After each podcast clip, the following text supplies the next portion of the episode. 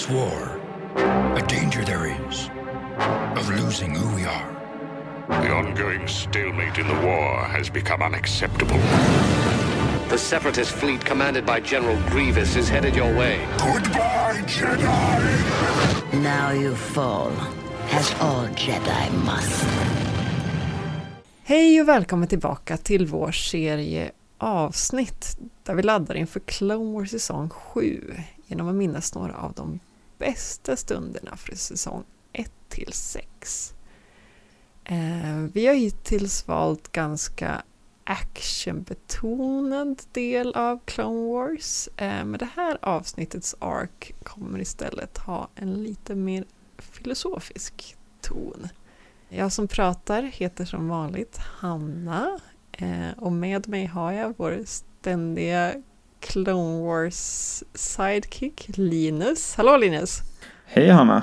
Det är första gången jag blivit kallad en sidekick. Det var kul. Det kanske, är, det kanske var nedlåtande. För mig är det något positivt, men jag vet inte riktigt. Nej, jag tyckte det var kul att vara en sidekick. Ja, då kan man liksom luta sig tillbaka lite och bara hänga på. ja, precis. Är det, är det dåligt är det inte mitt fel. Jag är bara sidekicken. Precis. Ja, men det är skönt. Eh, jag kan slänga ut en brasklapp direkt att jag är lite sådär småsnuvig och, och sådär. Och det kanske låter lite konstigt. Eh, men jag ska försöka inte snurvla för mycket i mikrofonen idag. Det är ingen fara, det är bara en sidekick. Ja, det är sant. Uh, förra avsnittet så hade vi ju Hanna från Rebellradions systerpodd Escape-podd. Och idag har vi Mr Rebellradion himself, Robert. Hallå Robert! Ja men hej! Hej! Vad, vad härligt att få gästa. Ja men eller hur! Det är inte heller så vanligt för dig att få gästa och sidekicka och motsvarande. Ja, jag tänkte det brukar vara den som drar i det hela. När Linus fick för sidekick så tänkte jag att det är ju mitt mål här i livet. att bli sidekick. Slippa styra upp saker och ting. ja. Ja men vad kul, vi ska prata Clone Wars. Ja men verkligen. Eh, skulle du vilja berätta vilken ark du har valt för det här avsnittet? Ja, eh, jag eh, har valt eh, Martis-trilogin. Det är säsong 3, episod 15, 16 och 17. Eh, och det är ju en, eh, vad säger vi, kraft, force, force-tung ark med, det är eh, Ben Kenobi, Anakin och Asoka som eh, blir, ja de blir skickade på ett, eh, någon sorts recon-uppdrag för det har kommit en mystisk signal, en gammal jedi, eh, ett jedi, eh, så här SOS, en typ, av, en typ av signal som inte har hörts på 2000 år eller något sånt där. Jättemystiskt till en, eh, en eh, koordinater långt ut i, i ytterkanten liksom av, eh, av galaxen. Och när de kommer dit så um, blir det skumt direkt. De hamnar i ett parallellt, eh, en parallell värld kan man säga. Mortis då. Och där träffar de på fadern, dottern och sonen som är som halvgudar och som då eh, är liksom på något sätt låsta i en eh, kamp om kraften och hålla balans i kraften där. Och ja, våra hjältars närvaro där ställer till lite grann kan man säga. Jag måste vara ärlig och säga att jag har ganska svårt att greppa den här arken, för det känns som att det är så fruktansvärt mycket som händer fram och tillbaka och det är ganska mycket som är så på en väldigt symbolisk metaforiskt plan på något sätt, så att det känns som att det, den är inte jättelätt att hänga med på vad det verkligen betyder allting.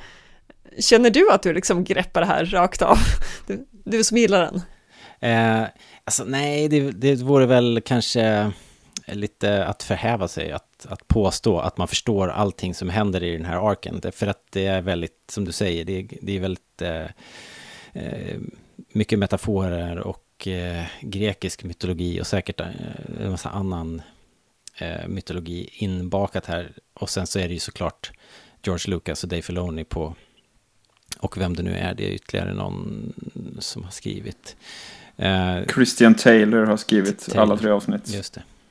Så att, eh, nej det är klart att det är, det är svårt att och förstå precis hur allt hänger ihop. Men, men man kan väl säga i alla fall att det, eh, de, de gräver ner sig i myten om The Chosen One. Verkligen. Eh, det blir väldigt tydligt här i alla fall att den här fadern då som är, eh, är som liksom är den som förvaltar kraften kan man säga och som är balansen. Han börjar bli till åren och eh, när han har fått höra att Anakin finns så, så det är därför han lockar, eh, lockar till sig Anakin för att eh, testa honom helt enkelt. För att utvärdera om han kan ta, axla den här rollen och helt enkelt bli då the one who brings balance to the force. Det där var någonting som jag liksom inte riktigt hade reagerat på förrän den här, det här var nog första gången jag tänkte på det, att eh, i och med att fadern ändå på något sätt kan lämna över den rollen så känns det inte som att det är självklart att det alltid är den här fadern som på något sätt har varit balansen tidigare i deras värld. Eh, förstår du vad jag menar? Att det här, skulle- om, Mm, om han kan, liksom Ja, kan men- lämna ja. över det som en titel, då är det ingenting som säger att det här var grundpersonen. Särskilt när vi också vet att så här, någon gång för 2000 år sedan så kom någon till Martis och skickade ut en distress call, alternativt att fadern då skickar ut den nu, men känner till en distress call som är 2000 år gammal. Det ger liksom idén om att det här är liksom en, en person som kom till Martis för 2000 år sedan, tänker jag. Man säger väl också eh, någonting om att vi är för mäktiga så att vi var tvungna att dra oss tillbaka från den riktiga världen. Ja, så, det, precis. Ja, så på det sättet så verkar det som att de är de första. Ja, det är Men sant. då, då tänkte jag, för att jag, det är väldigt oklart hur gammal han är, men har han varit en jedi kanske på något sätt? Eller något sånt funderar på jag. Eller varför, varför har de en, eh, varför kan de den här gamla eh, distress code-grejen? Ja. Ja, det är en Börjar jag tänka på. Men jag. Men eller säger de allvetande på något sätt, även om det, det- är väldigt tydligt det- att de inte är det ibland. det man vet, det vi, det vi kan säga säkert, för ehm, det, jag kollade på lite intervjuer här innan, och eh, om, om man ska eh, försöka och få några ledtrådar så kunde man ju kolla på vad, vad de som har skapat det här säger. Och, och eh, tillsammans med den där kommentaren som du, den, den repliken som du nämnde där Linus, att de, de, de har dragit sig tillbaka till den här parallella världen. Och eh, det liksom antyder ju att de har varit i vår värld, eller ja, i, Mm. i, i liksom Star Wars, eh, så här, i, i nollvärlden. Och eh, i Dave Filoni säger att de här personerna är de är faktiska varelser, de är liksom inte rena manifestationer av kraften. Så att de är väl mer som, som gudar på något sätt. Mm. Eh, sen hur de har hamnat där och hur de har fått de här enorma krafterna, för de är verkligen på en helt annan nivå ju. Det framgår inte. Utan, eh, utan eh, det är bara tydligt att de, de finns i, på det här stället, på Mortis, som är någon form av brännpunkt i kraften där allting fokuseras. Vilket får massa roliga effekter. Eh, vi får ju se en massa kul visioner och sånt där som är som vi säkert kommer komma in på, som är spännande för, för alla, oavsett om man förstår eh, exakt hur allting hänger ihop eller går till. Så det är coolt att få se de här visionerna. Mm.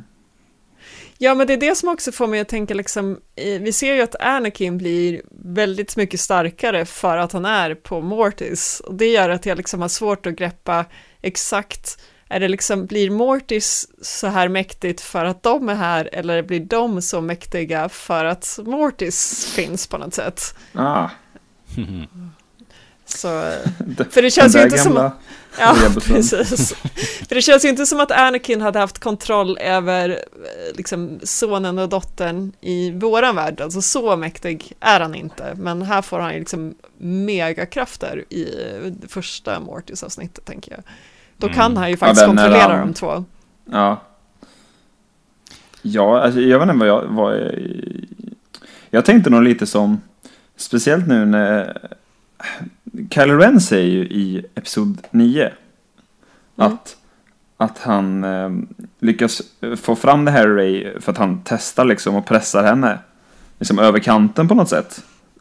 Och jag tänker att, det, att Anakin kanske tekniskt sett är så. Eh, liksom stark oavsett var han är. Men han, har, han, han liksom, kan inte bli utsatt för ett sånt stort test i, av någon annan än fadern.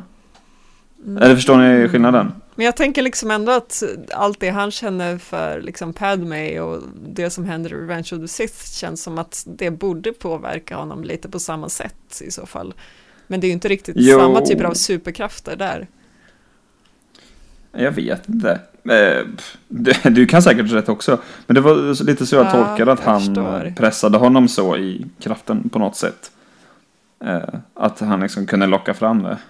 Eh, det jag tänkte på var mest att Obi-Wan pratar ju liksom om att så här, det här är ett väldigt, en väldigt mäktig plats, Anakin, så här, var försiktig liksom, för att du vet aldrig vad som kommer hända på något sätt.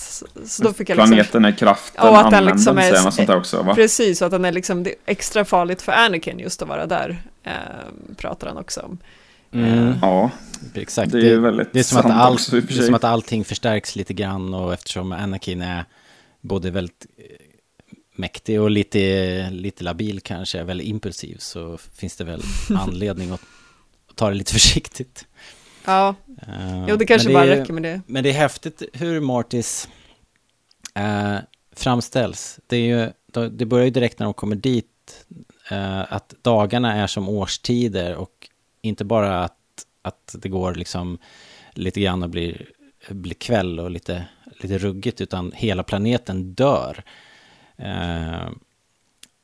på natten. Och på dagen så på nytt föds allting. Och så har vi då sonen som är någon sorts eh, eh, ja, dark side user och Sith-aktig. och sen så har vi dottern som är eh, ja, men raka motsatsen då. Hon, hon är till och med som att hon är nästan självlysande. Så, så ljus är hon. Liksom. Och eh, är så osjälvisk så att man, man, när det väl bränner till och man, hon behöver ta action så...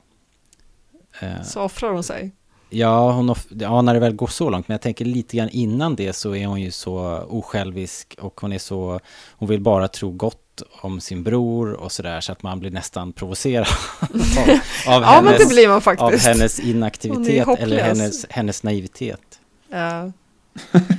Det var någon som, eh, jag liksom, när jag försökt läsa på och försöka tolka den här Mortis arken så såg jag någon som påpekade att det finns egentligen ingen riktig skymning i, på Mortis utan det är liksom, det är natt och så är det dag och man ser liksom, man kan till och med se hur liksom natten övergår till dag som en, liksom, en- som en kant eh, och att den här personen då som pratade om det tolkar det som att liksom balansen är verkligen eh, urstyr här, alltså att det, det är inte säkert bra balans, de, de kommer inte överens utan det är liksom det, antingen det ena eller andra men ingenting däremellan. Eh, så, att, Ja. så att det på något sätt skulle liksom visa just hur, hur det börjar bli Allting obalans. här, allting här är en som en enda stor yin och yang symbol liksom. Ja, hela verkligen. planeten. Det är väl, men är det så tror ni? Just det här med att de inte... Är det alltid så eller är det så för att han är döende? Jag tänker att det är för Mm. att han börjar bli svag. Ja, eller hur? Att, Ja, det liksom, Eller så tänkte det jag med. att de börjar Ja, liksom ta precis. över. Så kan det vara förstås. Eh, det, det är ett väldigt häftigt koncept och, och, och så visuellt spännande att vara där. Särskilt i det första avsnittet, det som heter Overlords, är, tycker jag att det är en väldigt sån... Ja. Eh, det är ett väldigt spännande avsnitt och där får man väldigt mycket eh, mystik och vi får, vi får ju våra första visioner. Eh, Mm. Anakin blir ju mer hemsökt kan man säga. Och det är vad jag kan förstå den här uh, sonen då, den dark side usern som tar skepnaden av Shmi Skywalker. Mm. Och eh, försöker att putta och liksom eh, putta över Anakin på den mörka sidan redan där. Få skalan att tippa över. Eh, sen får... Sen, sen blir det lite klurigt för att eh, Asoka får en vision av... hon- blir liksom besökt av sitt äldre jag. Mm. Eh, där är det lite mer oklart om det är bara hennes eget undermedvetna. Men det tror jag nog på Det något känns sätt. Ja. ju så. Så tolkar jag det i Ja. alla fall. Det Ja. känns inte som att det är någon annan. Det är nog i- inte- i det är ju Den skepnaden liksom. Nej, Som det är med Shmi till exempel. Får man med den känslan eller? eller hur? Nej, jag håller med. Och Obi-Wan, han blir ju faktiskt besökt av Qui-Gon. Mm. Eh, och jag, jag vet att folk har olika teorier om det här, men jag tror ju att det är Qui-Gon. Att det, faktiskt gör är, jag också, Att, ja. att, att, Det det, tror jag att det är hans Force Ghost. Han dyker upp, han dyker upp i sista också, jag tror i Ghosts, där han kommer tillbaka Precis. och pratar med Anakin också. Så jag tror att det liksom är faktiskt det, bara för att de är på det här stället, så på något sätt så kan han eh, Så kan han synas och ta sig det här. igenom där. Ja. Ja, Men jag tänker också Ja. det är så att det är Mortius som gör att han liksom är mer än bara en röst. Just det. Men är inte han med i säsong 6 också? Jo, men då... Jo, är han, fast då hör man bara rösten, eller hur? Precis. Då är han liksom Just inte, för då pratar han också om att han liksom, han aldrig riktigt fullföljer den träningen, så han är liksom lite mittemellan. Men på Mortis så antar jag att liksom kraften är så stark i sig, så att där klarar han av att komma tillbaka. Han får lite starthjälp. Ja, Ja, det är så jag tänker det. Väldigt coolt. Eh, jag kom bara på en sak jag ville säga här om eh, Asokas eh, vision här. Och det är att det här är första gången vi får ett tecken på att hon inte dör i Clone Wars. Eh, för annars minns jag liksom så fort Asoka dök upp i säsong ett, eller egentligen filmen av Clone Wars, så tänkte man ju direkt så här, oj, oj, det här kommer inte sluta väl för henne, för hon är inte med i Revenge of the Sith, och vi har liksom aldrig sett henne annars. Så när dör Liksom, hon? När dör hon? När dör hon? Och liksom, vi gick ju, vi gick ju liksom fram tills, fram tills den här avsnittet egentligen, så, så gick man liksom runt och bara utgick från att hon skulle dö. Och egentligen fortsatte jag tänka det lite grann även framöver. Liksom. Men, men det här var liksom första tecknet på att hon skulle bli gammal nog för att bli vuxen. Och för mig betydde det väldigt mycket och det är egentligen bara en liten sån här extra grej, men, det, men liksom det var så mycket som antydde om att så här, hon kommer inte klara sig. eh, Nej, men det, det här är första gången man ens tänker att hon ens skulle kunna överleva. ja, precis. När hon och Barrys fastnar i den där tanken eller vad det är på. Mm. eh, Vart är det? Det Genosis? Ja, på Nej. Genosis. Ja. Mm. Ja. Så jaha, ja nu dör hon. Men det gjorde hon inte. Ja, det det är känns typ som att- säsong ett Ja, eller det två. känns som att jag har gått, jag gick verkligen och förväntade mig att hon skulle dö hela tiden. Jag kanske hade förväntat mig det liksom på något i slutet av den sista säsongen, men ändå. Eh, Och så sen när Netflix-säsongen den Netflix-säsongen kom, säsong 6. Nu kommer hon ju dö i alla fall. Ja. Hon var- var inte ens med. Nej, nej, det var lite chock. Eh, Men ehm, någonting annat vi trevade på lite grann, det var ju hela grejen med huruvida Anakin är the chosen one eller inte. Eh, och det är väl det som jag kanske har lite svårt med den här Mortis-arken, för jag upplever ändå att eh, the chosen one är ett väldigt så här, löst begrepp genom hela Star Wars, och man pratar om att så här, det här är en, liksom, eh, vad säger man, eh, profetia som kan misstolkas och vi liksom Mm. pratar om att det kanske egentligen är Luke som är the chosen one och om det nu är Anakin är det då i hans roll som Vader när han dödar Palpatine som är the chosen one men här på något sätt känns det som att det liksom cementerar så här, Anakin är the chosen one och inget Utan tvekan. annat. Ja, håller ni med mig där? Vad känner ni inför det här? Eh, Jag håller väl med. Eh, Och, så, och då började jag direkt när jag liksom, för det var ett tag sedan jag såg det här, men då började jag direkt tänka, eh, undrar om vi någonsin kommer få se liksom Anakin efter Return of the Jedi. Alltså hur, hur är han nu den nya fadern på något sätt? Eller liksom hur är hans liksom eh, efterliv, skiljer det sig från Yodas? Eller liksom sitter de liksom i samma himmel och, och väntar på att få prata med Luke liksom när han är ledsen? Eller, liksom, eller hur funkar det? Eh, så det börjar jag tänka på och sen så, jag vet inte, om- det, det går ju liksom inte alls eh, att, att eh, likna kanske. Men då börjar jag ju direkt tänka att Luke och Leia är liksom nya sonen och dottern. Men det går inte riktigt Ah. ihop i eh, den här konstellationen. Men så började jag tänka direkt då. ehm, Så det är Anakins efterliv som är på något sätt the chosen one-grejen med balansen? Är det så du Jag, jag, alltså, jag, jag vet knappt, alltså, jag kom inte fram till någonting. Men det var med att jag började, jag började fundera över Anakin efter Return of the Jedi. Om han faktiskt ersätter eller, eller om han gör någonting. Eller om han bara är som, precis som Obi-Wan eller Yoda. Eller är det något mer med honom liksom? Ja, det har jag aldrig funderat på. Allt är ju möjligt, men fadern som, som vi ser i den här, de är ju som sagt inte i efterlivet på så vis, vad jag kan förstå, utan de är ju mera, Nej. de lever bara i ett, i ett helt enkelt i ett parallellt universum. så okomplicerat. ja, precis. Nej, men Science alltså, proof. Ja. Nej men alltså, så jag har aldrig tänkt på det så. Men det är klart. Eh, Men å andra om- sidan är ju om- sonen och dottern död, så vad är det han ska balansera sen då, tänker du? Jag vet inte. Ja, det var ju då om Luke och Leia kommer in i bilden. Ja, i och för sig. Men eh, ja, det är ju intressant, en intressant koppling. Och det finns så mycket coola detaljer i, i, ehm, eh, i designen på Mortis. Eh, tronen som fadern sitter i till exempel. Mm. eh, f- flankeras av eh, statyer av dottern och sonen i sina, eh, i sina my- mytologiska djurformer.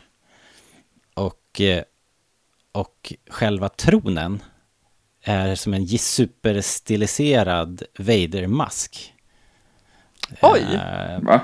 det, om, om man kollar jättenoga så är själva tronen har en triangelform som Vaders eh, mun kan man säga. ja. Och sen så hänger det upp över dem så hänger det två cirklar som blir som ögon.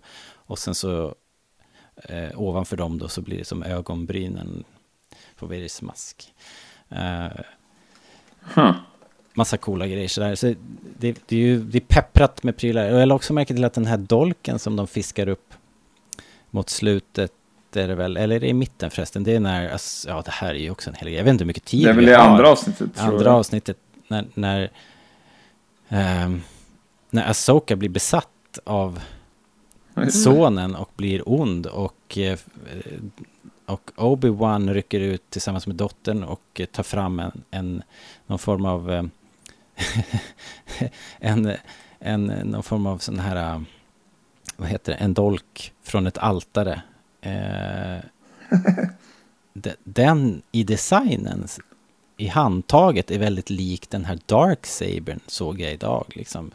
Så det, det är så kul liksom hur allting knyts ihop liksom. Ja.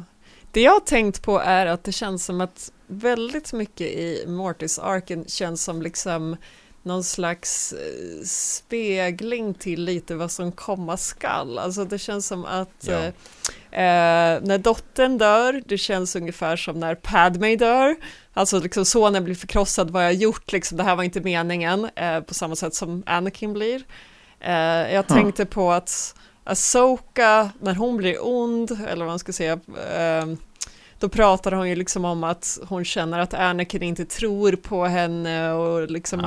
eh, så, och det är ju i princip slutet av säsong fem det händer.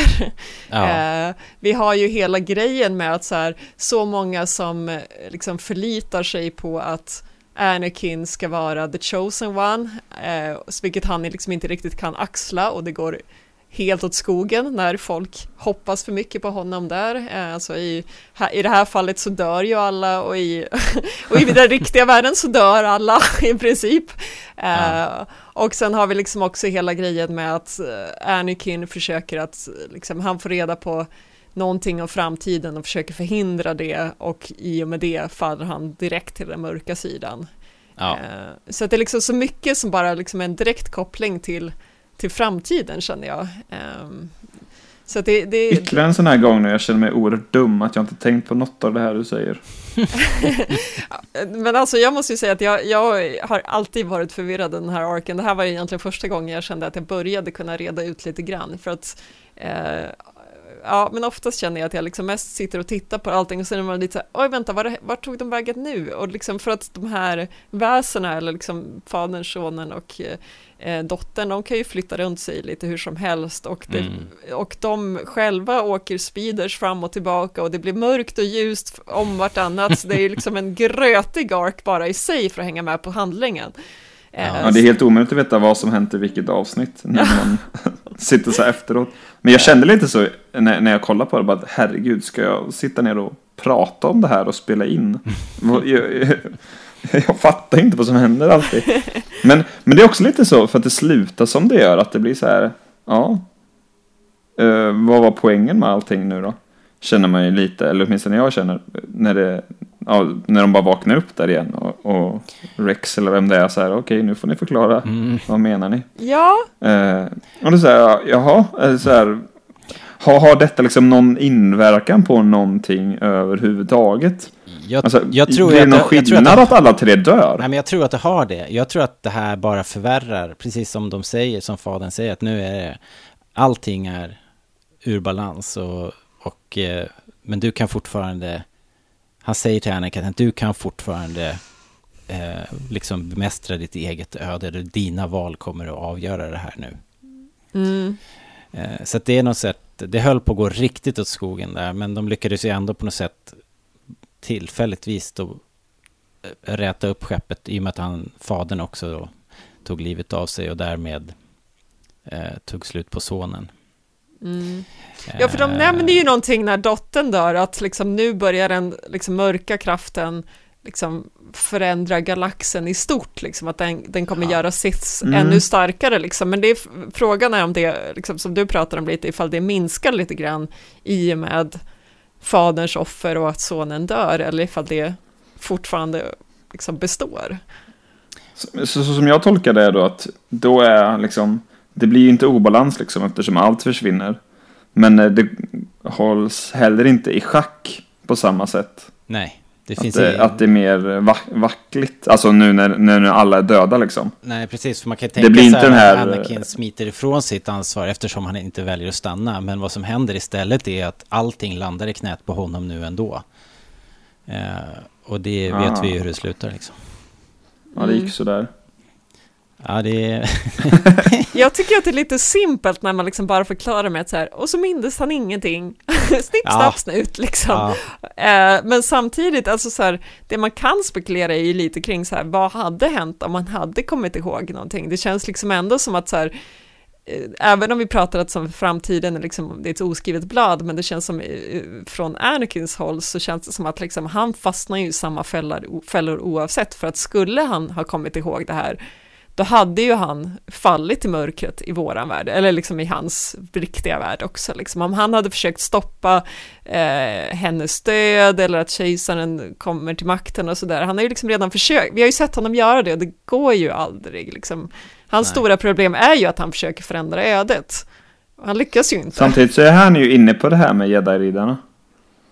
Att det, de, de liksom som står mellan kriget och freden typ, eller vad fan är han säger. ja, just det. Men det var ju den här sonens vision som enligt fadern då var... Det, inget av det där är skrivet i sten liksom. Nej. Så att jag tror att sonen... Eh, precis som all Sith, alla Sith gör ju, manipulerar ju genom att ja, vrida till det till sin fördel på något sätt. Mm. Ehm, men jag kom på nu när, när du sa det att han kommer inte ihåg något av det och, och eh, eh Asoka dör ju faktiskt i det här avsnittet också, eller i, i Alter of Mortis och eh, blir återuppväckt som en sista osjälvisk akt av dottern. Och hon är också borta ur, ur loopen ett tag där, men Obi-Wan, han har varit med, han har sett allt. Och han vet ju också att Anakin trillade dit här. Eh, för hans Ja, just det. minne är ju intakt. Han har ju inte sett visionen, men han har ändå mest koll på handlingen Ja, på något sätt. Ja. Han såg Ja, det ju ändå stämmer. Anakin påverkad på något sätt. Han, jag visste, han hade inga detaljer kanske. Men... Men alltså okej, bara för att klargöra det här nu. Ja, eh, Asoka minns, Asoka minns allting efter att hon blev återupplivad, eller? Ja, Eller minns hon det som hände även innan hon blev Jag fattar som är att hon besatt. var borta den där stunden. Ja, så Men minns hon det som var innan det? Ja, det tror jag. Ja, och Anakin minns allt förutom sin vision. Ja, Ja. och kanske att han föll till mörkret. Ja, och, men Obi-Wan minns allt. Så, ja, men så såg inte visionen. Nej, okej. det är riktigt stökigt alltså. Ja, Vilket väl också kanske är poängen. Jag tror inte... Jag vet inte. Eller så säger jag, jag tror inte, att jag är dum jag tror inte att det går att reda ut det här helt liksom. Jag tror att det, Exakt. det är liksom inte meningen att vi ska kunna bena ut det. Det är liksom inte designat så. Men, men Sen det- är ju också det roligare så här. Ja, det är ju det. Det är ju så Ja. kul liksom. Särskilt som att nu har det gått, de här avsnitten kom 2011. Det har ju redan gått ganska många år och vi har hunnit få ganska mycket efter det här.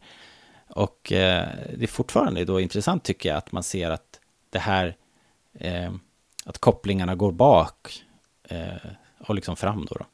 Beroende på vart vi är. Det tänkte jag faktiskt fråga om just så här, för nu har vi ju fått, eh, sen Rise of Skywalker har ju fått lite läckta alternativa manus eh, Mm. till den här, eh, ja, det här alternativa manuset kallas väl för liksom Duel of Fates, eller att filmen skulle heta det. Och där pratar de ju om att en del skulle utspela sig på Mortis, och det var ju du inne på Robert också, minns jag när du liksom försökte spekulera kring Episod Mm. 9, liksom. Alltså att det känns som att det var, det var så mycket kopplingar till att Ray och Kylo Ren är liksom sonen och dot- eller dottern och sonen.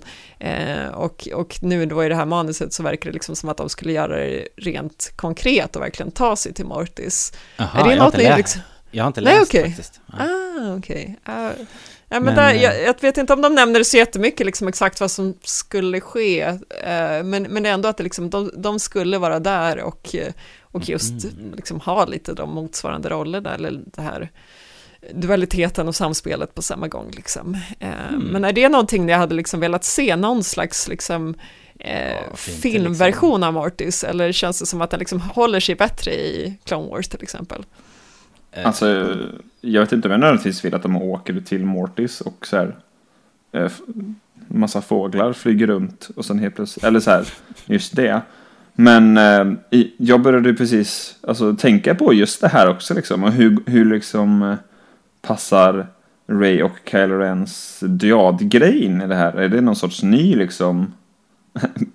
Eftersom den här treenigheten inte finns. Är det mer, eller så här, jag börjar tänka mer på sådana grejer. Mm. Sen hade det ju varit väldigt coolt om om man eh, fick någon fortsättning på alltså om man följer upp Mortis på något sätt. Det fick en liten så här en hint om det i Rebels men sen började jag tänka på just det, vi har ju säsong 7 som kommer om typ två veckor. Eller vad det är, en och en halv vecka. Ja, alltså, Där kanske vi får något. Ja, det skulle inte förvåna mig. Och det vore ju ascoolt.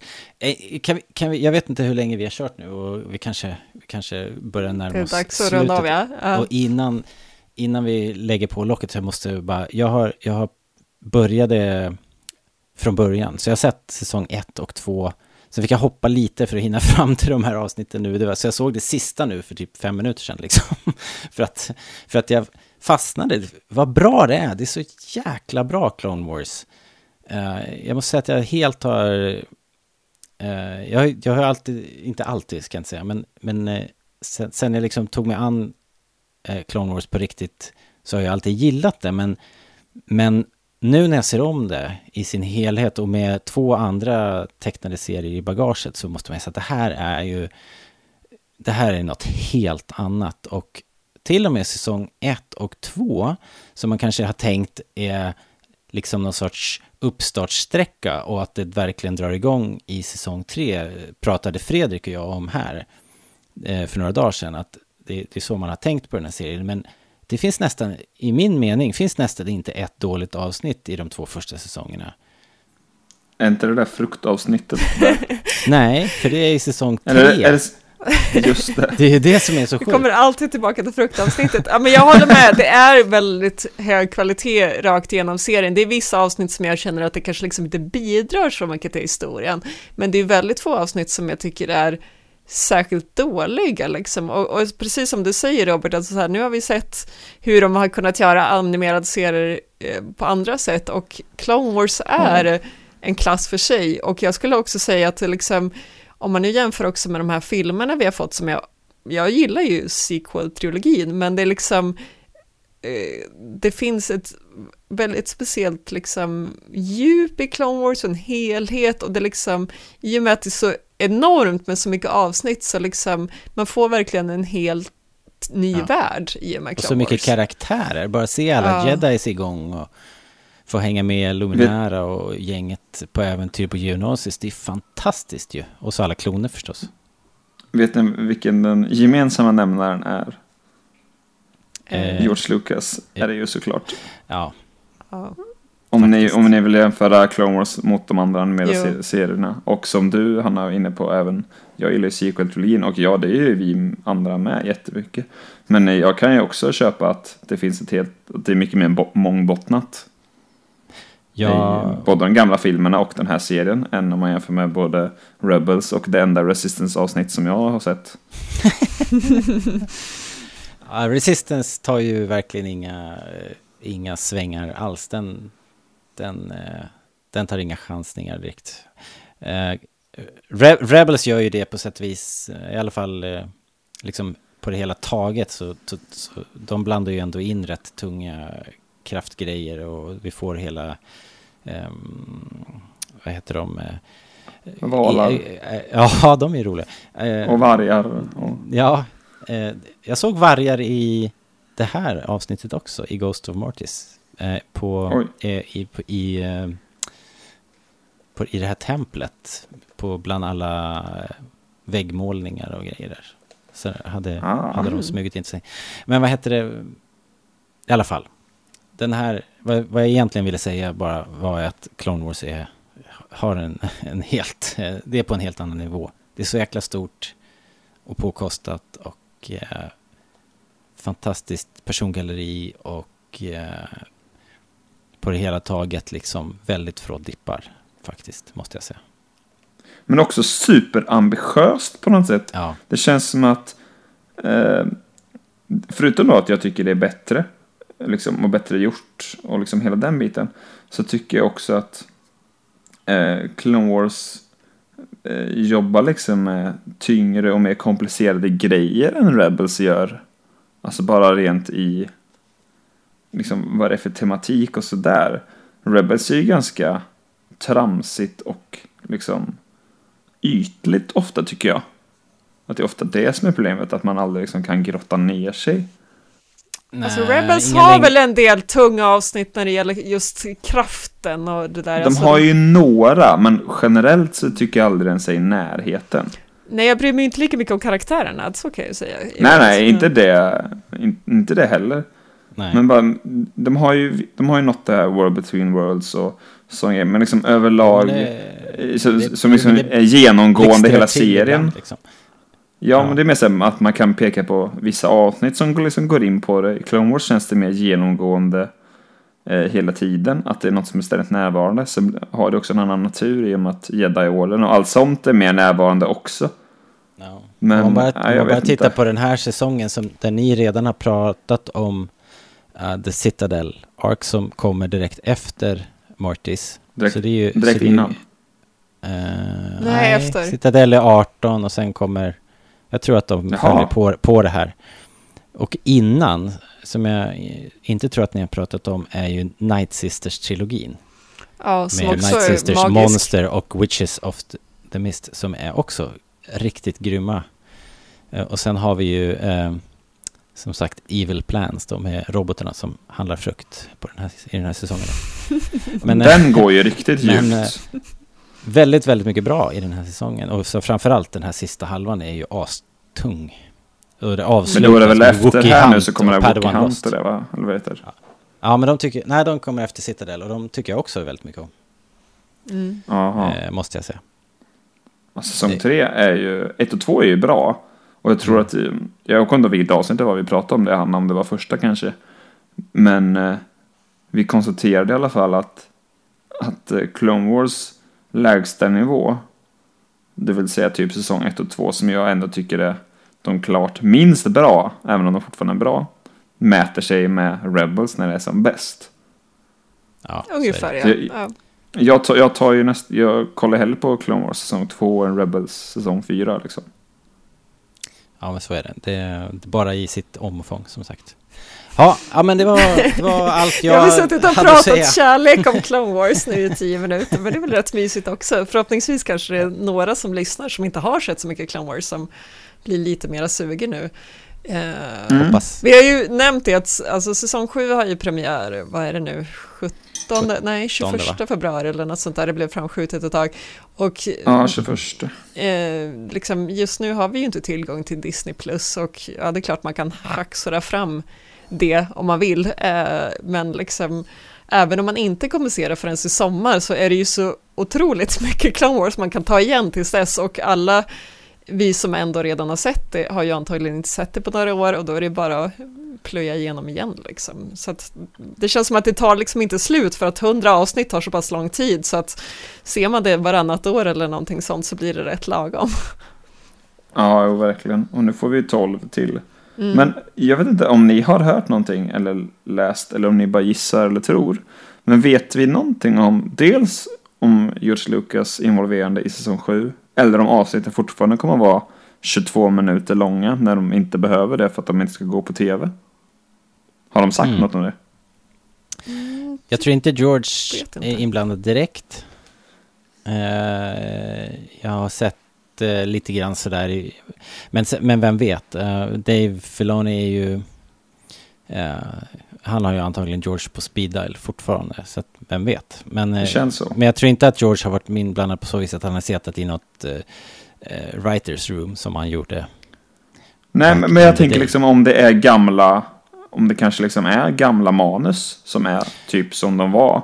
Som han liksom då tekniskt sett är lika involverad i som han var med säsong 4. Jag Eller tänker att det var det tänker? vi fick säsong 6 från, alltså frågan är om de hann skriva så jättemycket mer än det. För det var ju ändå en del av de Ja. avsnitten som kom som seriealbum istället till exempel för att de hade skrivit dem men inte animerat. Eh, Så att, Ja, okej. eh, Jag så tror jag ändå vet- att det fanns, eh, jag tror att manusen fanns och jag tror till och med att en del redan var ljudlagt. Eh, okej. Och jag tror också att han har skrivit om, så att eh, det är inte riktigt Jo. som det var. Eh, utan det, han har, nu, nu får han ju liksom chansen att avsluta det på riktigt och då antar man ju att han tar det, den chansen liksom. Knyta ihop det. Ja, det, vi Det verkar ju hoppas. så jäkla coolt att de går in och kanske förbi Episod 3, eller hur? Det är ju så sablans Ja. coolt. Jag Det tycker det vore svincoolt om det utspelade sig även efter Order 66, liksom. Alltså efter kriget tekniskt sett tar slut. Ja. Det, det, det spekulerade jag ganska mycket i, ja, för mig själv då, i och med att jag inte Vill, var vill med ni här. höra en prediction? Mhm, kör. Eh, alltså vi vet ju att Asoka blir indragen igen, att hon kommer att fightas sida vid sida med Rex och med klonerna. Mm. Aha. Eh, jag tror att Asoka och Rex kommer att eh, vara i samma rum när Order 66 eh, kommer. Det skulle i varje jag fall vara tror- väldigt häftigt att se hur Rex tar sig ur det där. Liksom hur det Ja, funkar. och jag, och precis. Och jag, sk- jag skulle inte förvåna mig om liksom de börjar fightas och eh, Asoka bankar lite sens i honom. Så att han liksom vaknar ur det där och de hinner säga farväl liksom, men att han dör där. För, för att han kan ju inte fortsätta. Men vänta, liksom. Rex eh, lever ju väl i Rebels? Ja, Jaha, vänta. Gör han? Ja, det är ju det som är Ja, grejen. väl Han han. lyckas ju ta sig ur det hela, men jag kommer inte ihåg, jag liksom för mig Jaha, att... vänta. Är, är det De Rex som är på bland de där, med de där tre gubbarna i öknen? Ja, precis. Ah, just det. Men, Ja, han har ju ändå lyckats undvika Order 66 och jag minns inte, jag Ja, tror inte de precis. går in på några jättemycket detaljer om hur de säger de inte att de har fått de bort tog sig chippen, ur chippet, de tre? Ja, ja. Men hur visste de om det? Liksom, var det när det triggades eller var det innan? Ja, just det. Ja, det får För det är se. det jag vill se. Hur de liksom kom ur det hela. Okej, men då står jag vid min eh, prediction, eh, bara det att han, eh, Asoka knockar lite sens i honom och lyckas rädda honom. Ja, då kör vi det Så istället. Ja, jag är väldigt, det är nog nästan det jag är mest nyfiken på tror jag. Asoka. Tätt full av Ventress Mm. i säsong 7. Verkligen. Ja, just det, Ventures. Ehm, Hon har ju precis sin Men- avslutning i, i en bok. Eh, Så att frågan är om hon Fuck, måste jag läsa också? dyker upp Shit. där. Men, Vad är det den heter? Ja, det vore Dark. Disciple. Dark Disciple, just det. Ja, det är den. Är det den som är hon och, vad heter han? Han som är så, en sån där skön jedi, han som ska vara lite cool. Eh, Vad ja, heter han? Quinlan. Åh, ja. Quinlan Voss. Quinlan ja. Voss Quinlan heter det. Voss. Eh, ja, jag tycker att det är en av de bästa Star Wars-böckerna. Så att, eh, den, är, den är ju så härlig för att den är lite young adult-aktig, så att den är inte liksom, eh, den är inte superseriös, men den är sweet. Ventress är jävligt cool tycker jag. Ja. Jag, jag minns den ändå som en ganska bra läsning. Sådär. Det, det tyckte jag nog. Men hallå, när vi ändå man- diskuterar det. Att, Vi kan att, inte sluta att- prata. Nej men det här, jag lovar att det här är det, det sista jag har att säga. Eh, Efter, eller, vi såg ju i trailern till säsong 7 att, att det är liksom scener ur episod 3. Typ. Liksom, Ja. Fast då ur andra perspektiv. Det hoppades jag jättemycket på med Rebels. Att det skulle våga gå förbi episod 4. Så man fick se liksom, Rebels under självaste kriget. Mm. Det hade jag tyckt var coolt. Mm. Varför var man tvungen att stoppa innan episod 4? Det tyckte jag var jättetråkigt. Ja, Ja, det är det var bara sant. det De hade ju haft möjlighet att pusha lite mer kanske. Alltså- Ja, eller de är ju fortfarande reb- rebels även om kriget har börjat. Eller jag menar, det känns som att man ville sluta innan filmen bara för att Clone Wars var ju lite av den naturen. Liksom Mm. uppenbart på något sätt. I och med att då slutar ju även kriget liksom i filmen. Men här tyckte jag att det fanns alla möjligheter och liksom goda skäl att varför inte bara köra? Mm. Absolut. Jo, det, ja. det är en sak om de liksom inte vill gå för långt för att de förstör för sig själva när de sen ska fortsätta historien, men eftersom Episod 4 redan finns där och liksom är skriven i sten Ja, så precis. känns det som att då har de ju möjlighet att leka lite mer kring den tiden. Ja, och vem vill inte veta mer om Dak? Eh, Eller någon, jag jag vet inte. vem det är. Det är ju Lukes jätte exalterade eh, andre pilot. Jaha, på Hoth ja. Det är en profil. Ja, men oavsett vad, det det hade varit häftigt att bara se Hera under den tiden, eftersom vi vet att vi får reda på eh, att hon ändå är med där. Så. Ja, alltså. De har säkert massa anledningar till att de inte gjorde det. Men jag hade tyckt det var coolt att se liksom parallellt med filmerna. En anledning är väl att de säkert kommer någon gång fortsätta spåret med eh, att leta efter Ezra från Rebels. Det är väl antagligen så enkelt. Man var väl tvungen att få bort Ezra ur ekvationen, kanske. Jag vet inte. Ja, antagligen. Men Hörni, hörni, nu får vi Vi sluta måste prata. runda av. Vad härligt att du tar det, nu tog du över programledarrollen, det är jättebra. Eh, Men jag håller med dig Robert, låt oss runda av. Tack Jag för är bara att... sidekick så jag kan fortsätta prata. Ja, det är väl det som är problemet här nu. Det som händer är att, eh, att Hanna bara klipper bort dig. Men hörni, tack för att ni ville prata om det här. Det är alltid supersweet att snacka Clone Wars. Ja, verkligen. Herregud. Och tack ni som lyssnar. Ja, tack. Men eh, ja, på återseende. Hej då! Hej då! Hej då. Roger, roger, roger, roger, roger, roger, roger.